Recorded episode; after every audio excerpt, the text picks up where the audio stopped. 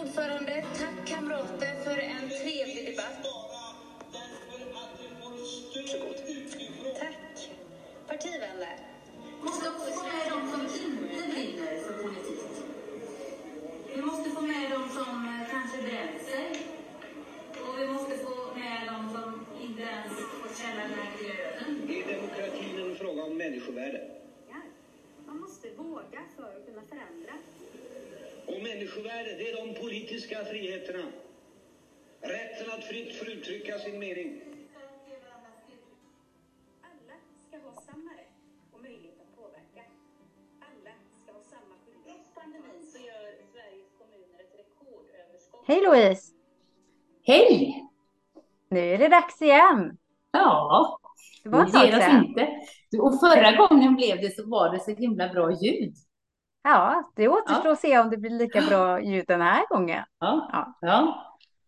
Vi har ju precis lärt oss att spela in eh, podden via Zoom eftersom att du inte är hemma just nu så kan vi inte träffas.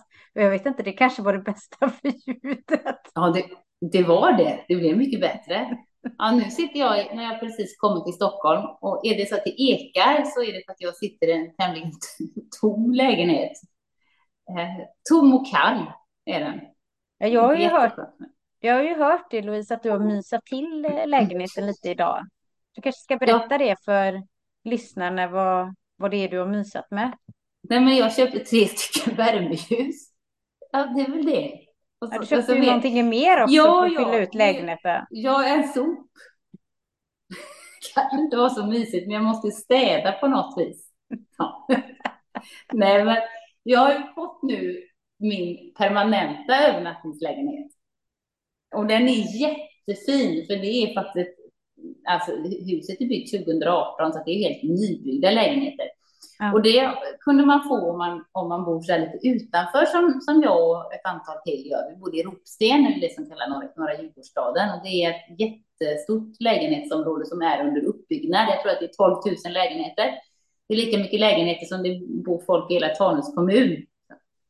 Men jag tror att det kommer bli, det är ett jättefint område. Det kommer bli jättefint när det är färdigbyggt om några år. Ehm, Men det är ju så här att om man, de som kommer in sist i riksdagen får då också välja lägenhet sist. Mm. Så har Socialdemokraterna, jag tror inte att de andra partierna har det så. Eh, Men vi har det ju så i alla fall. Och eftersom jag då kom in sist så hamnar jag ju längst ner på näringskedjan. Mm. Så det är klart, de, de flesta vill bo nära Mm. i Gamla stan. Men grejen är att jag fick bo här från början tillfälligt och vi är några stycken som bor här och vi ville bo kvar allihopa. Mm. För att det, det är väldigt fina lägenheter och det är ganska skönt att komma ut från centrum. Liksom. Här är det lite, man ser, jag ser till, ser till och med vattnet från eh, vardagsrumsfönstret och det är jättefina promenadvägar och Nej, men Vad är det, det- det, Är det dricksvatten du ser då eller? du, jag vet inte vad det är jag ser. Kan det vara lite bräckt? Det är i alla fall inte så Heter gott det vatten inte, som hemma. heter det inte Värtan eller Värt, Värten eller Stjärten eller på så här, det gör du inte Värtan. Nu jag ska be att få återkomma vad det här lilla vattnet Ja. heter. Näst, Men nästa alltså- gång vill vi veta, är det dricksvatten Ja. eller är det det- värta eller stjärta eller vad är Ja, det? saltvatten. Men grejen är den också att jag tycker, jag sitter där med en, en Ramlösa, jag köper aldrig mineralvatten hemma. Eh, och här gör jag det för jag tycker inte det är gott vatten. Nej, det är, men Det eh, är dåligt vatten. ja, jag säger skål i Mm. min Ramlösa granatäpple så länge. Det blir jättebra här. Det kommer bli jättefint när jag får det lite mera ombonat och personligt och sådär. Det är klart. Och du kommer Ja. säkert vänja dig vid vattnet också. Du kommer ju bo där några år så man vänjer sig vid smaken. Så jag vet Ja. när, eh, när jag flyttade ifrån Lysekil till Sotenäs. Eh, och så var jag mammaledig det första året. I stort sett, inte, inte direkt då, men ja, rätt så snart efter jag hade flyttat hit så blev jag mammaledig. Och sen så började jag jobba i Lysekil igen. Och så tänkte jag så här, fasen vilket dåligt vatten de har i Lysekil egentligen. Eh, jätteskumt. Jag har ju bott där nästan hela livet med en liten sväng till Uddevalla där vattnet smakar som någon hade droppat i skogen. Eh, men det försvann ju också den smaken efter en stund. Men jag får säga att det är väldigt, väldigt gott vatten ute hos oss här i Sotenäs. Men, men jag tror att man vänjer sig efter ett tag. Ja, Det är klart man gör. Alltså jag är också, jag är lite så här med att det är jätte, man, man får vara lite anti Stockholm om man mm. kommer från landet. Va? Jag vill liksom inte tycka mm. om vattnet. Nej. Men, nej, annars nej. är det väldigt, nej, annars, annars är det jättebra. Jag kommer trivas jättebra i den här lilla lägenheten. Men det är lite ensamt. Bra. Men, ja. Ja. men jag tänker, hur är det liksom? Eh, alltså förut, ja, hur, hur, hur är det liksom när man eh, är riksdagsledamot? Varför liksom får man en lägenhet och alltså får du betala den själv och hur, hur är det med möbler och sådär? Men om man, om man bor mer än fem mil från Stockholm, och det gör jag med råge, då får man disponera en övernattningslägenhet under de här fyra åren man då är här, antagligen. Mm. Um, och då har riksdagen lägenheter över hela Stockholm. Eh, eh, ganska många är inne, inne i stan och, och jag bor ju som sagt vad det tar, jag får räkna en halvtimme ungefär från dörr till dörr. Men det är ju ändå liksom inne i stan. Mm. Eh, och då tilldelas man en, en lägenhet och den är, vad ska man säga, spartanskt möblerad. Det finns en säng och så är det en, en, en liten bäddsoffa och så är det ett soffbord och så är det en fåtölj eh, litet köksbord och så enklare köksutrustning. Alltså köksutrustningen är ungefär om man har bott på ett sånt där lägenhetshotell. Där det finns mm. lite tallrikar och det går att laga lite mat och sådär. Nästan som eh, ett ungkarlshotell alltså? Ungefär, fast den här lägenheten är ju faktiskt helt nybyggd. Så jag har ju både diskmaskin och, och tvättmaskin och torktumlare i lägenheten. Jag har en tvåa och det är inte så många som har. Så vi som bor här i Ropsten har ju jättefina lägenheter. Mm. Men, eh, men man behöver inte betala någonting själv. Eh, utan det är som sagt för man har ju den här till låns då mm. under de här åren så att man ska kunna vara här. Mm. Annars hade det bara varit stockholmare som satt i riksdagen. Mm. Eh, och sen så är det också tanken då att man på helgen åker hem till sitt eh, partidistrikt och, och, arbetar där. Och det, de råden man har fått så att säga, nu av andra då, som man har lärt känna, det är just det, vikten av att vara synlig hemma, på hemmaplan. Eh, och vara aktiv hemma. Så att man, de allra flesta åker ju hem på torsdagar och så gör man någonting i sitt eget partidistrikt på fredagar och måndagar. Jag var till exempel på Svinesundskommittén på Tanumstrand i fredags. Det var jätteskönt att vara på hemmaplan. Och sen så åker man hit till Stockholm igen. Och man får lov och, och familjen och så får komma och hälsa på. Om man är om man har barn som är under 18 år så får de komma och övernatta gratis. Men om till exempel Peter, då, min sambo, kommer upp, då får han betala en liten summa. För att han sover i din lägenhet? Ja, ja mm. det är inte mycket, men det är väl... Jag vet inte hur det har uträknats, för det har inte blivit aktuellt för mig än, men om det är någon typ, man delar på hyran på något speciellt sätt och sådär. Eh, och sen, men det är ju för att man inte heller ska, det ska ju inte vara så att man alltså, att jag åker hem på helgerna så skulle någon annan kunna bo här eller jag skulle kunna ta till familjen som, som, som bor här eller Elvira skulle kunna gå i skolan här till exempel. Det är ju inte meningen. Så ska man ju inte göra, utan den här är min övernattningslägenhet och jag ska vara skriven hemma i min hemkommun och där ska jag bo. Men, men hur går det till då, då? Måste de boka typ att de kommer till dig? Jag tänker om, om om din mamma måste betala för att vara där? Eller hur, mm. hur, vet, hur vet de det i riksdagen att du har en person där? Men det, det är ju det, det, är en bra fråga. Jag tänker så här att, att, eh, att, att sanningen kommer alltid ut förr eller senare. Ja, det om, någon, om, någon får för sig att om jag skulle få för mig att hyra ut på sommaren till exempel, eller mm. något sånt där, det gör den alltid. Eh, och, och, och, jag vet inte, för det har inte varit aktuellt än, men nu planerar Peter att komma kanske om några veckor. Och då antar jag att jag får meddela att nu kommer min sambo under helgen. Och som mm. sagt var, när jag har pratat med andra så är det ingen stor summa, det kanske är 100 kronor. Så mm. att, eh, eh, men, jag, men det är ju för att, att det just ska vara en övernattningslägenhet och man inte ska missbruka det. Och det tycker jag är bra. Ja, det är jättebra. Eh, ja, och att det, ska, att det är så. så att, eh, Sen så, så klart att gäster får komma och bo över och sådär, men det är ju det är attraktivt att ha en lägenhet i Stockholm såklart. Ja, precis. Och det mm. finns ju, det är ju rätt mycket bostadsbrist i Stockholm också mm. har jag hört, så att vi skyller på riksdagsledamöterna. Ja, Hur många är ni? Hur många är ni? 349? 349. Men ja, precis. Har... Om alla 349 inte bor i Stockholm det... egentligen, ja, då är det ert fel att det är bostadsbrist. Sen har ju alla 349 heller inte en övernattningslägenhet, utan det krävs att man har mer än fem mil från, mm. från Stockholm. Och jag tänker så här, om jag hade haft sju mil, eller om jag hade haft som till exempel mellan Uddevalla och Tanum, så hade jag nog gärna åkt hem på kvällarna, för det är ganska skönt att komma hem. Det är klart att det är. Mm. Det är sant. Men, det, Men det är, vi har ju ett fantastiskt system att, att, att vem som helst egentligen kan, kan eh, kan hamna i Sveriges riksdag. Eh, och, och, det, och, man kan göra det alltså var man än bor i Sverige. Mm. Det är ju egentligen ganska fantastiskt. Och mm. det man, jag läser ibland så här att men vad kan egentligen riksdagsledamöterna, vad har de egentligen för utbildning? Och så har man, är det någon journalist som har kollat över hur många som har högskoleutbildning och så där. Men alltså det ska ju inte vara så, utan det ska inte vara någon elit, utan det ska ju vara, jag representerar ju folket. Mm.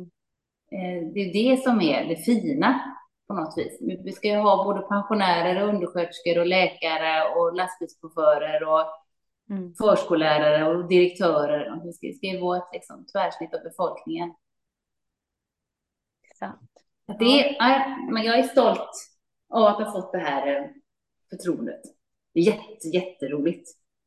Vi är stolta över att ha det där. Ja, jag är jätteglad över att du är där, där du är tycker jag. Ja. Det är fantastiskt bra. Jag tror inte du förstår hur bra det är att du är där du är. Nej, kanske inte. ja, så är det. Ja, men hur går det nu i riksdagen då? Det går, men jag, jag, jag får säga att jag tycker att det går bra. Första veckorna var, ju, var det ju lite nervöst och stressigt och man tänkte hur ska detta gå? Men, men allt faller på plats. Mm. Ehm, och det finns så mycket man kan göra. Man kan engagera sig i allt. Det finns jättemycket föreningar, det finns jättemycket seminarier man kan gå till.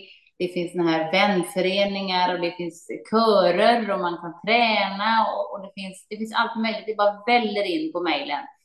Och det är jätteroligt och jag har, tänker bara hur man ska kunna begränsa sig. Så att jag har valt två föreningar som jag vill vara med i. Den ena är en eh, kooperativ studie, ett kooperativ studiegrupp. Där man lär sig liksom om, om, eh, om kooperationer och sånt, jätteintressant. Eh, och det andra är en, den svensk-grekiska vänföreningen och det är riksdagens äldsta vänförening. Och så jag var faktiskt på ambassaden och lunch med ambassadören förra veckan. Och det är bara för mitt höga nöjes skull. Eh, Indien skulle jag väldigt gärna vilja engagera mig också. Får vi se om det finns någon indisk vänförening. Och sen, men sen så är det ju arbetet i utskottet. Men som sagt var, den här Greklandsföreningen är för mitt höga nöjes skull. Och för att det är roligt att förkovra sig och lära sig och, och få kontakter och, och, och sådär. Nej, det är, det är roligt. Det finns mycket att göra.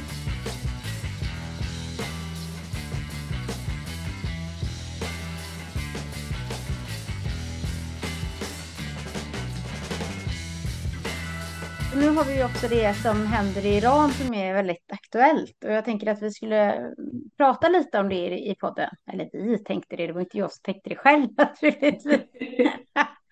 Men och jag tänker att jag, jag har förstått på dig att eh, ni pratar rätt så mycket om att det liksom är någonting som ni pratar om i riksdagen. Jag vet att du också har skrivit en insändare. Ja. Eh, och jag tänkte bara läsa först vad jag har eh, på SVT så skrev de igår i alla fall att eh, Iran har utfärdat det första dödsstraffet efter den senaste tidens omfattande protester mot regimen i landet.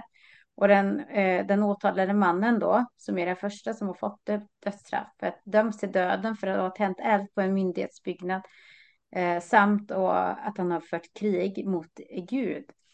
Och det, de här landsomfattande protesterna som är nu mot regimen i Iran, det har ju börjat efter att 22-åriga Masha eh, dog när hon var i polisförvar eh, den 16 september. Det är också det här med att man klipper håret och sådär som säkert ni som lyssnar på det här har läst i tidningen eller sett på sociala medier.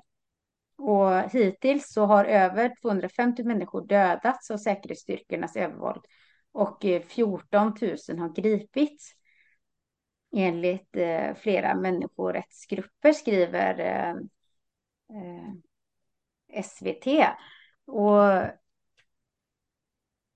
jag tänker att, eh, men, men liksom, kan inte du berätta lite mer om, eh, om bakgrunden till det, Louise, och sådär, om du, du som har lite mer koll än vad jag har kanske? Och ja, mm. Men bakgrunden till det som sker nu, det, mm. det är ju upprinnelsen till det, det var ju den här tvååriga flickan eh, som mördades då av moralpolisen i Teheran för att ha visat lite av sitt hår. Och det gav ju upphov, upphov till en massiva protester i hela landet. Och det har under de här 43 åren av den här, sen revolutionen 1979, eh, så har det varit protester och demonstrationer till och från eh, flera gånger. Eh, men som jag uppfattat det som, aldrig så omfattande som nu. Eh, och att folket är så enade nu. Alltså nu går både det grundskoleelever, det är arbetare i oljeindustrin, det är fabriksarbetare, det är, det är lärare, det är många fler som går ut och ansluter till de här protesterna. Det är människor från alla samhällsklasser och alla minoriteter som står enade att den här Islamiska republiken, den måste bort. Eh, och du sa ju det att du hade, man hade utfärdat de här dödsdomarna eh, nu, eller den här dödsdomen. Och förra veckan så röstade det iranska parlamentet för att dödsdomar skulle utfärdas mot samtliga demonstranter.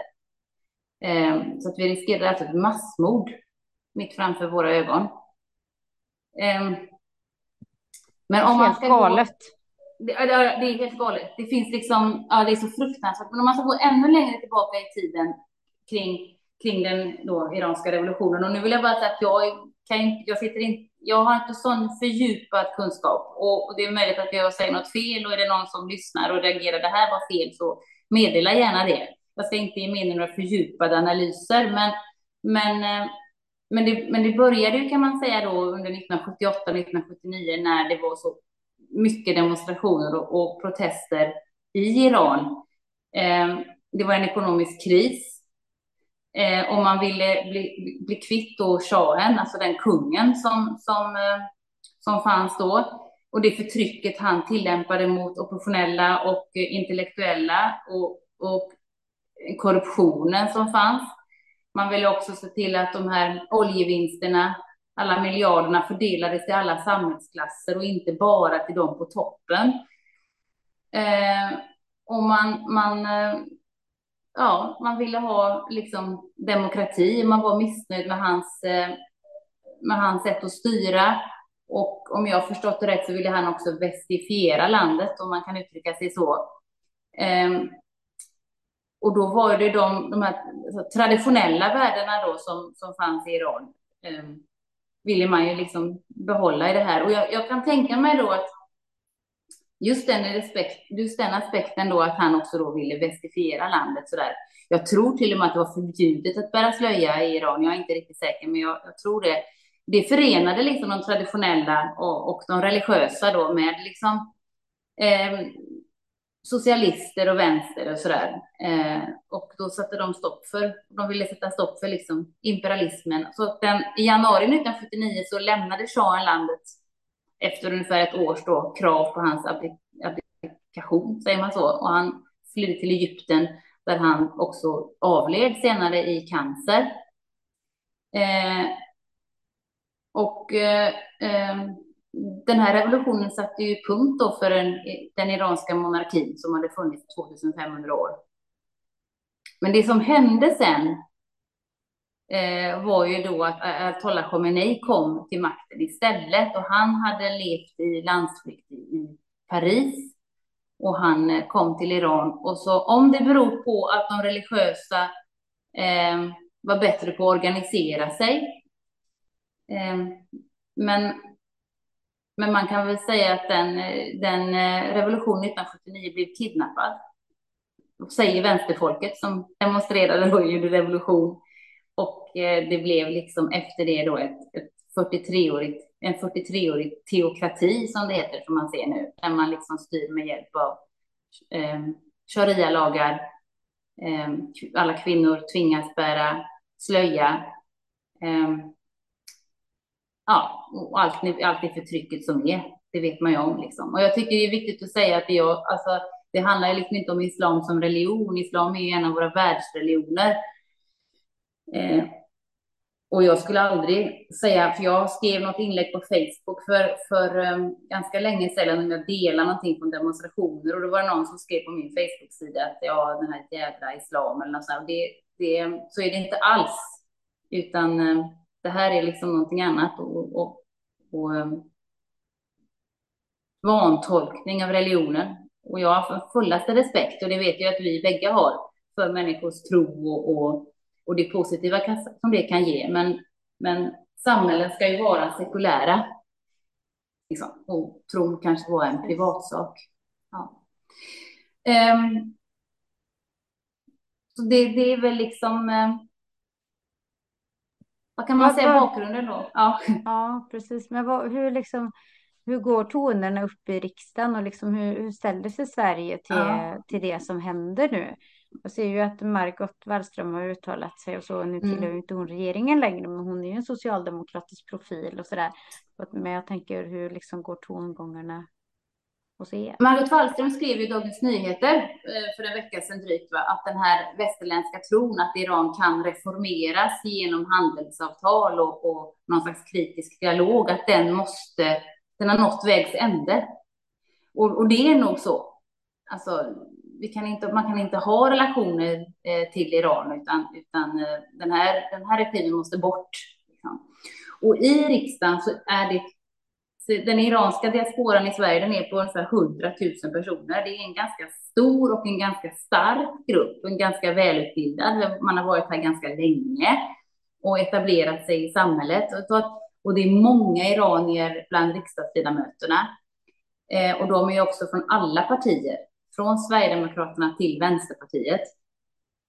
Att det är mycket, mycket diskussioner och det var också en interpellationsdebatt förra veckan Ehm, där man då ställde Tobias Billström till svars vad man tänker göra. Hur ska Sverige agera? Kommer man kalla upp ambassadören? Kommer man stänga ambassaden? Kommer man liksom trycka på? Eh, för att få stopp på det som sker och han svarade väl i och för sig inte så ganska mjukt. Han vill vänta in EU. Ehm, och det är klart, det, det, är som det alltid är när det är storpolitik. Liksom. Det, det, det är pengarna som styr. Men eh, alltså, det, finns liksom människorna i Iran vill inte ha reformer längre. De vill ha bort de här satans mördarna, verkligen. Och det som är så viktigt också, tänker jag, att, att eh, den iranska ayatollah-regimen, liksom, den, den måste falla nu, för att det har också Alltså inte bara för människorna i Iran, utan också för vår egen säkerhet i Sverige och Europa. För att den, det iranska revolutionsgardet, det de utbildar just nu ryska styrkor i Ukraina. Eh, och de förser Putin med självmordsbombar och drönare i kriget mot Ukraina. Och alltså Khamenei som då den högsta ledaren i Iran heter och Putin i Ryssland och Erdogan i Turkiet, de träffades i somras i Teheran. Eh, och under det mötet så enades de om att eh, stärka ländernas relationer både ekonomiskt och politiskt. Så att, och, och sen har jag, jag, jag, jag, jag vet inte om, om det är sant, men jag har också hört att, eh, att Putin och Khamenei också har gjort någon slags samarbetsavtal om kring olja och gas värt då en väldig massa amerikanska miljarder dollar. Och vilket gör då att om de får det här i lås så faller liksom våra sanktioner mot Ryssland ganska platt. Så att, så att det handlar, och det är så, jag tänker att det är så, det är så svårt för oss människor alltid att, att ha, ofta är det en, en grej som vi engagerar oss i Alltså när det, var, när det var covid så var det det som var på nyhetssändningarna. När det är något terrorattentat så är det det. När det är Ukraina så är det det liksom. Och nu så kanske det är Iran. Och, och det är väl djupt mänskligt att man inte kan engagera, att man inte klarar att ha alla de här händelserna i huvudet liksom, på något vis. Men allting, allting hänger ihop och det visar den här händelsen i Iran just nu. Att den iranska regimen, det som sker, det iranska folket gör nu, det har också bäring på oss Därför att de här diktaturskurkstaterna, liksom, de samarbetar och de är livsfarliga. För Iran Erdogan, Putin och vem det nu än är med, alltså de kan ju ställa till, ja, Gud vet vad de kan ställa till. Så det, vi måste klara att ha, hålla flera bollar i luften och vi måste kunna klara att se det här som världen är inte större än att det hänger ihop. Liksom. Ja, jag kan babbla mycket som helst om det här, Therese, med risk för att det blir lite, lite långrandigt. Men det som är också är den här, den här då revolutionen, som man ändå får säga det nu, det är, det är den första feministiska revolutionen. Det är kvinnor som har gått före. Det är de som har med verkligen livet som insats slitit av sig sina slöjor. Det är små flickor som går på gatorna. Ehm, alltså det är egentligen helt otroligt det som sker. Och den här regimen svarar med sånt fruktansvärt övervåld. Ja, du ser, jag blir så, jag blir så engagerad i detta. Så jag vill bara uppmana alla att, att, att som lyssnar på detta, dela allt ni ser om Iran. Alltså hjälp iranska folket att sprida ut vad som händer. Dela klipp, spela den här låten som ni säkert har hört nu också som spelas. Vi skulle kanske kunna spela upp en liten snutt och avsluta med det. Jag vet inte om jag kan nog inte göra det, men du kanske kan göra det. Ehm, ja. Och, och, och strunta i eventuell upphovsrätt och sånt. För jag tänker att den här, den här ska ut. Liksom. Mm. Ska spelas över världen. Mm. Det är sant. Ja, nej, det är fruktansvärt, men det är bra att man börjar lyfta det. Man hoppas inte, alltså det är det där med att det är så fruktansvärt många människor som dör liksom i de mm. här, den här mänskliga kampen om sina rättigheter liksom. Mm. Så har det ju naturligtvis varit i Sverige tidigare, även om det kanske inte har varit i samma kvantitet såklart. Och, och, det finns ju andra ställen i världen där man också har genomgått sådana förändringar där människor liksom spiller blod för eh, de mänskliga rättigheterna och det är fruktansvärt och för en FN-vän som mig så känns det ju mm. eh, nej det, det, det är inte liksom det är inte normalt förfarande men, men på ett sätt så kan jag ändå tycka att det är bra att nu nu visar, nu visar de världen vart de står någonstans. Och nu måste världen vara med och agera och hjälpa de människorna. Och nu måste, de måste det. Alltså, ja. jag tänker så här, de måste det, för det har bäring på så mycket. Liksom. Och mm. som sagt var, eh, alltså vi kan, riskera, vi kan riskera att se ett massmord i Iran inom några veckor om det inte händer någonting. Jag träffade en ung iransk kvinna i förra veckan här i Stockholm. Eh, hon, eh, hon var betydligt yngre än mig. Hon hade bott här i ganska många år, men hon var här ensam och hela hennes familj bodde kvar i Iran. Hon hade, hon ingen möjlighet att få hit dem på något vis. Och då här berättade hon att hon hade ett fotografi eh, på köksbordet på sin syster som hon liksom satt och tittade på på dagarna och, och liksom kände närhet av. Mm. Och var så orolig för. Så, så fruktansvärt. Mm. Och, och jag kan också bli, alltså, som jag sa förut, så, så är ju alltså, just iranier är ju representerade i alla partier. Eh, och, och jag hör också så mycket av, av folk som säger att iranier är så bra. Alltså, de, de är så, för jag ju själv ett ursprung i Iran. Liksom, men, och de, men de är välutbildade och de arbetar ju rätt för sig. De är så kloka, du vet. Och då, alltså jag blir så, kan bli så förbannad på det. När man skulle på och prata om vilka flyktingar som är de riktiga flyktingarna eller vilka som, som mm. eh, vilka invandrare som är bättre. Eller så. Jag kan bli så, det var på 80, slutet på 80-talet när jag växte upp i Göteborg, då var verkligen iranierna vanliga svartskallar, precis som somalierna eller de andra är nu. alltså jag kan bli så förbannad på det. Och det tror jag det kommer vi få höra nu. Att, eh, att eh, att iranierna har en speciell ställning. Så det är så bullshit. Det är människor, vi är människor allihopa. Det spelar ingen roll om man kommer från Somalia eller Ukraina mm. eller Iran eller, eller Syrien eller Eritrea. Vi får liksom eh, lägga ner det där snacket. Precis, ja, det är konstigt ja. hur det kan förändras över tid, för det, ja. det, det är också ofta med om, med tanke på att jag heter Maskin i efternamn, så är det många som undrar vem, vart jag är ifrån. Mm. Eh, fastän jag är från Sverige så är det min svärfar som kommer från Italien.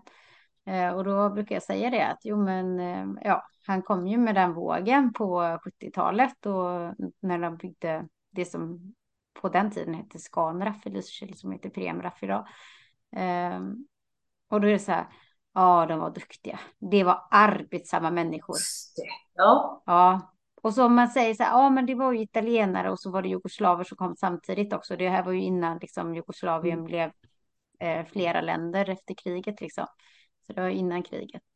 Eh, och ja, ja nej, men de var alla, alla var arbetsamma och det kan man höra att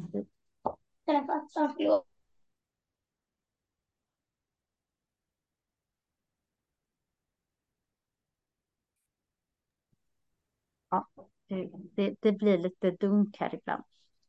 Nej, men att man kan höra det på efternamnen vart de är ifrån. Och sen så var det någon som sa häromdagen. Ja, och så kom ju portugiserna också. De var ju stenhuggare, väldigt lugna människor. Ja. Nej, men. Ja, vad var det jag skulle säga? Jag kom helt av mig. Nej, men, men då, då, då, då var de arbetsamma och sådär. Men jag kan tänka mig att italienare och greker och jugoslaver fick utstå ganska mycket på sin tid också. Och sen när när jugoslaverna kom eh, nästa gång på 90-talet, eh, för att de var drabbade av krig, då råkar ju de många ut för samma, för samma rasism som, eh, som, som andra gör. Nej, men det, visst är det så. Ja, det, då var det liksom så... jäkla jogga liksom. Ja. Jag tänker att alltså, förr så, det, alltså det ändras ju över tid liksom. Det är ingen som kallar dem joggarna idag eller eller jag vet inte vad de kallar italienarna, men alltså, men det var ju ändå så att de var ju mörkare och alltså, eh, men idag så är ju de liksom de som kom hit och de arbetade och de gjorde rätt för sig. Men det är mm. ingenting som säger att inte de som kommer hit idag arbetar och gör rätt för sig. För jag har jättemånga människor på min arbetsplats och, och på de verksamheterna som är runt min arbetsplats som också som kommer från andra länder och de jobbar inte sämre än någon annan. Så att eh, det, det är ett konstigt tankesätt och grejen är att om 20 år så kommer vi tycka att de var arbetsamma. Mm, exakt. Och jag kom så himla väg och nu när alla hyllar iranierna då och tycker att de är minsann så arbetsamma och de är så välutbildade och de har integrerat sig väl och så där. Så minns jag hur det var 1987 eller 88 när den här boken Inte utan min dotter kom. Som handlade om en iransk kvinna, som, eller en amerikansk kvinna som var gift med en iransk man. Jag vet inte om du läste den, lite yngre än mig. Men jag såg filmen. Alla, alla läste den. Ja. Mm. Eh, och i alla fall hon, av någon anledning åkte hon med honom till Iran då mitt under brinnande krig. Och, eh, och hur han då förbyttes liksom och då slog henne och höll henne fången och sådär. Och det, alltså det gjorde ju att hela synen på, på Iran, iranska män och muslimer ändrades, ändrades. Jag uppfattade det när jag kanske var en 15-16 år, att det ändrades från en dag till en annan. Det var inte roligt att vara Iran har Irans påbrå i Göteborg på slutet på 80-talet, början på 90-talet, efter den filmen. Det, det, var precis som att, alltså du vet, iranier var, eller muslimer var smutsiga och äckliga och fundamentalister och sådär. Um, och nu är det återigen då, nu har det svängt just för iranier. Sen så. Ja, men precis. Alltså, jag vet när jag på 80-talet då, när jag var liten, för då, för jugoslaverna och, och italienarna kom ju till Sverige mycket tidigare. Då var ju jag liten liksom, eller innan jag föddes. Men eh, på 80-talet så kom ju chilenarna. Och det var samma där. De är också ja. väldigt arbetsamma idag. Men ja, du vet, det är liksom, det är bra virke idag. Eh, men på den tiden, då var ju de liksom, ja men det var de som gick på socialen och hade merser och sånt där liksom. Och mm. du vet, de hade ju fina tv-apparater som ingen annan hade råd med och sådär. Och de jobbade minsann inte för sig, utan de bara fick pengar liksom rakt in från SOS då liksom. Eh, och jag tänker så här, mm, jag har också gått på SOS och ja, det är jäkligt tveksamt tycker jag om de hade råd att köpa sig eh, stora feta bilar och, och tv-apparater och sådär. Eh, frågan är om någon av dem som ansåg att det var så någonsin hade varit hemma hos en, eh, en chilenare, tänker jag. Eh, och jag vet att jag eh, var tillsammans med en kille som kom från El Salvador. Eh, och när jag kom hem till dem första gången så tänkte jag, oj, som de bor. De bodde inte som oss och då hade vi inte det speciellt bra ställt. Men de hade såna här gamla lånade sängar, du vet, och tråkiga madrasser. Och, alltså, det var inte snyggt, liksom, utan det såg ut som att komma in i ett 70-talshem i slutet på 80-talet. Liksom. Så att eh, mm, man kan ju tro det att eh, under den tiden som det liksom är som värst, att eh, mycket saker, men det inte alltid det stämmer. Det, det... Nej, någonstans är det väl så att eh, fördomarna består men föremålen växlar. Liksom. Men eh, men ja, jag vet inte hur vi kom in på detta, men just här nu när man sitter här och, och det är så mycket kring Iran så har det blivit så påtagligt. Ja, just. Precis. Um, och det stör mig. Det stör det mig att...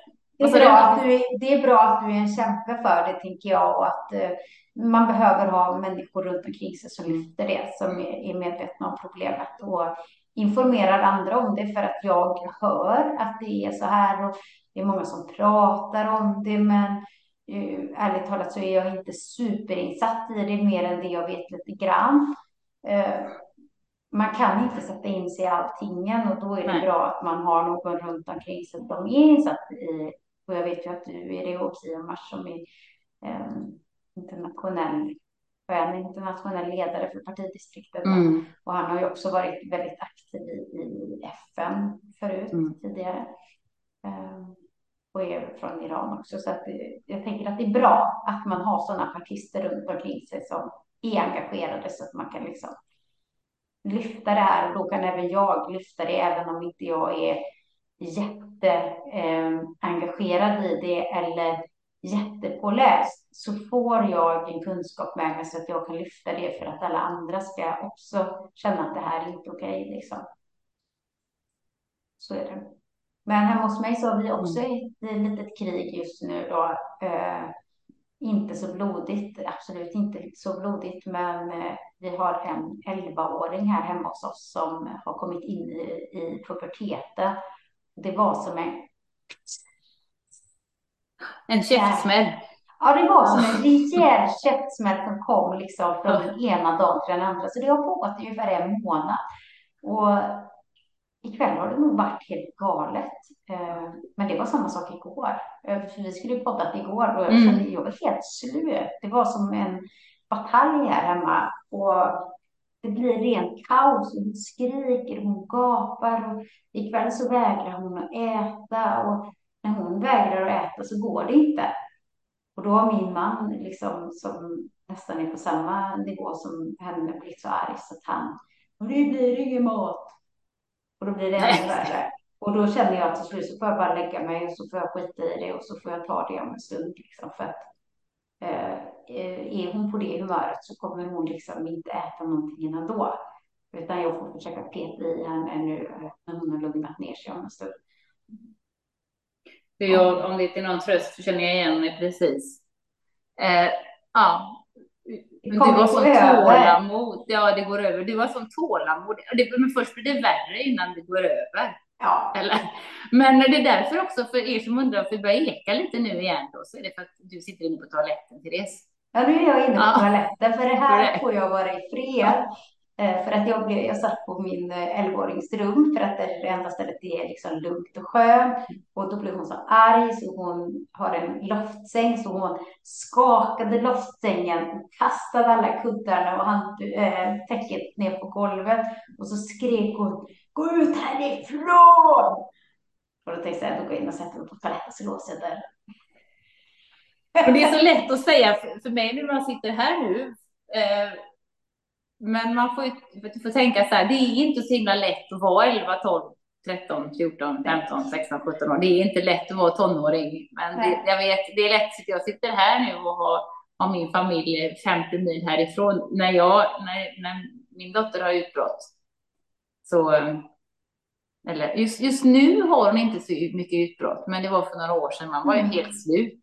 Ja. Liksom vad hände? Och så hör man sig själv säga saker som man lovat att man aldrig skulle säga eller att man hotar. Liksom. Ja, precis. Alltså, det. nu får du inte det eller? Nej, men precis. Jag känner att till slut så tar hoten slut. Och, Ja. och det är då, ja, nej, men alltså, du får inte det. Och det blir inga julklappar. Nej, Det blir exakt. inget lördagsgodis. Nej. Ja, vi ska inte på någonting. Utförsförbud. Ja, och, när de då säger jag bryr mig inte, då, Nej. ja, då finns det liksom ingenting kvar. då då börjar jag så här. Nej, nej, nej. Men var du sån, var du en jobbig tonåring Therese? Det kanske vi kan ha ett litet poddavsnitt Ja, det om. kan vi om inte en annan gång hur jag var som tonåring. Men jag, eh, i 11-årsåldern så var jag inte som hände, men jag var nog inte så rolig som tonåring. Det kan jag berätta en annan gång, för jag är socialdemokrat. Ja, nej, nej, så är det. Ja, eh, nu börjar ju tiden rinna ut här. Mm. Eh, jag har några grejer på agendan innan vi avslutar den här podden.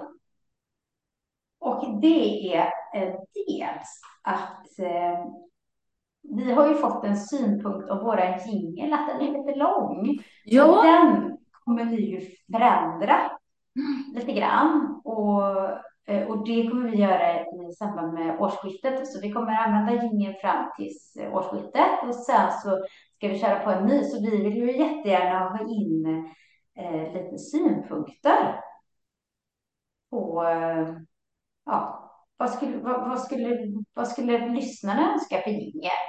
Ska vi ha ungefär där vi har fast korta ner den eller ska vi ha lite mer musik eller ska jag och Louise sjunga en liten trudelutt eller ska vi bara ha lite tal så vi spelar in eller ja.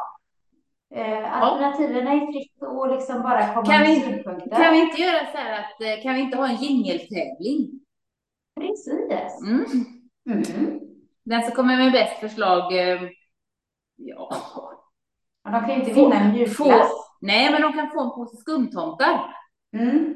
Mm. Då hoppas jag att det inte är jag som vinner så att jag kommer inte skicka in något eh, förslag. Nej, nej, vi är utom tävlan. Vi kan Ja, precis. Nej. Det är bra. En påse Men- skumtomtar. Och sen tänker jag också så här att, att det är ju väldigt kul om, om, eh, om vi får in lite, lite frågor eller lite tips på människor vi ska ha med. Det är kanske dags för en intervju snart.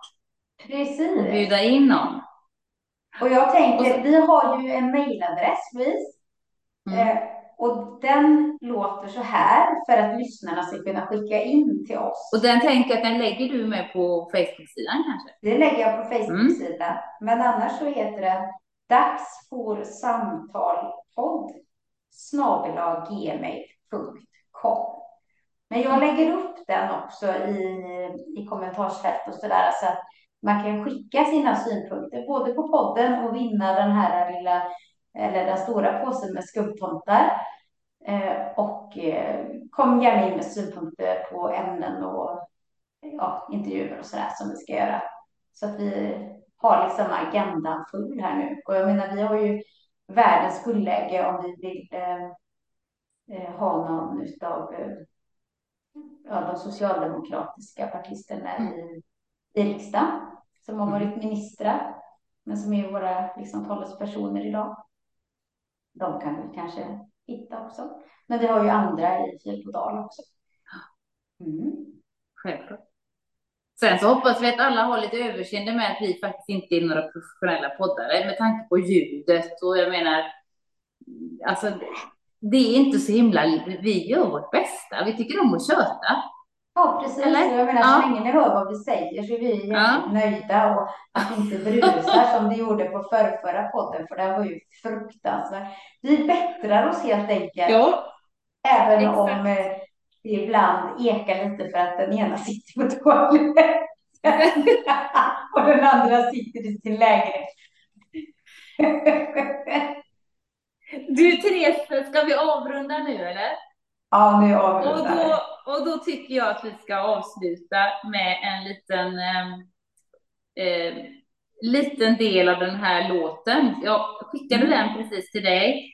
Mm. Den har liksom blivit det, vad ska man säga, musikaliska ledmotivet för de protesterna som nu sker i Iran.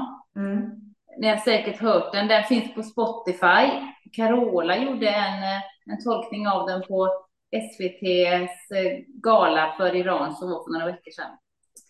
Eh, vi skulle också kanske kunna lägga ut på vår Facebook-sida, för det finns en engelsk översättning.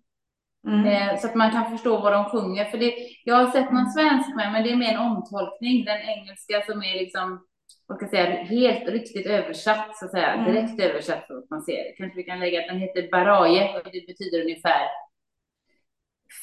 för. Mm. Eller, ja, för, ja, because, för, ja. ja um, så um, jag skickat den till dig, så spelar vi den tycker jag. Och så uppmanar jag alla att uh, dela och sprida och um, vara de här unga flickornas talesperson, vi som kan det här, som lever i ett fritt land. Eh, och eh, på olika sätt ligga på där vi kan för att det ska bli slut på den här 43 år långa tyranneriet, får man väl säga. Tack för idag.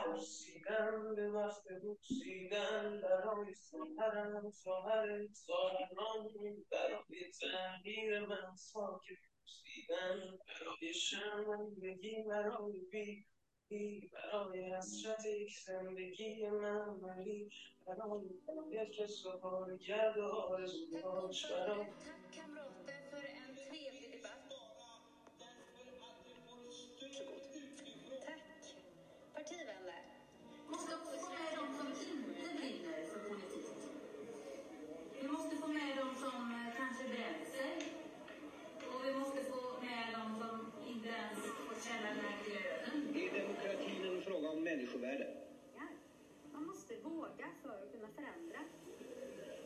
människovärde, det är de politiska friheterna. Rätten att fritt få uttrycka sin mening.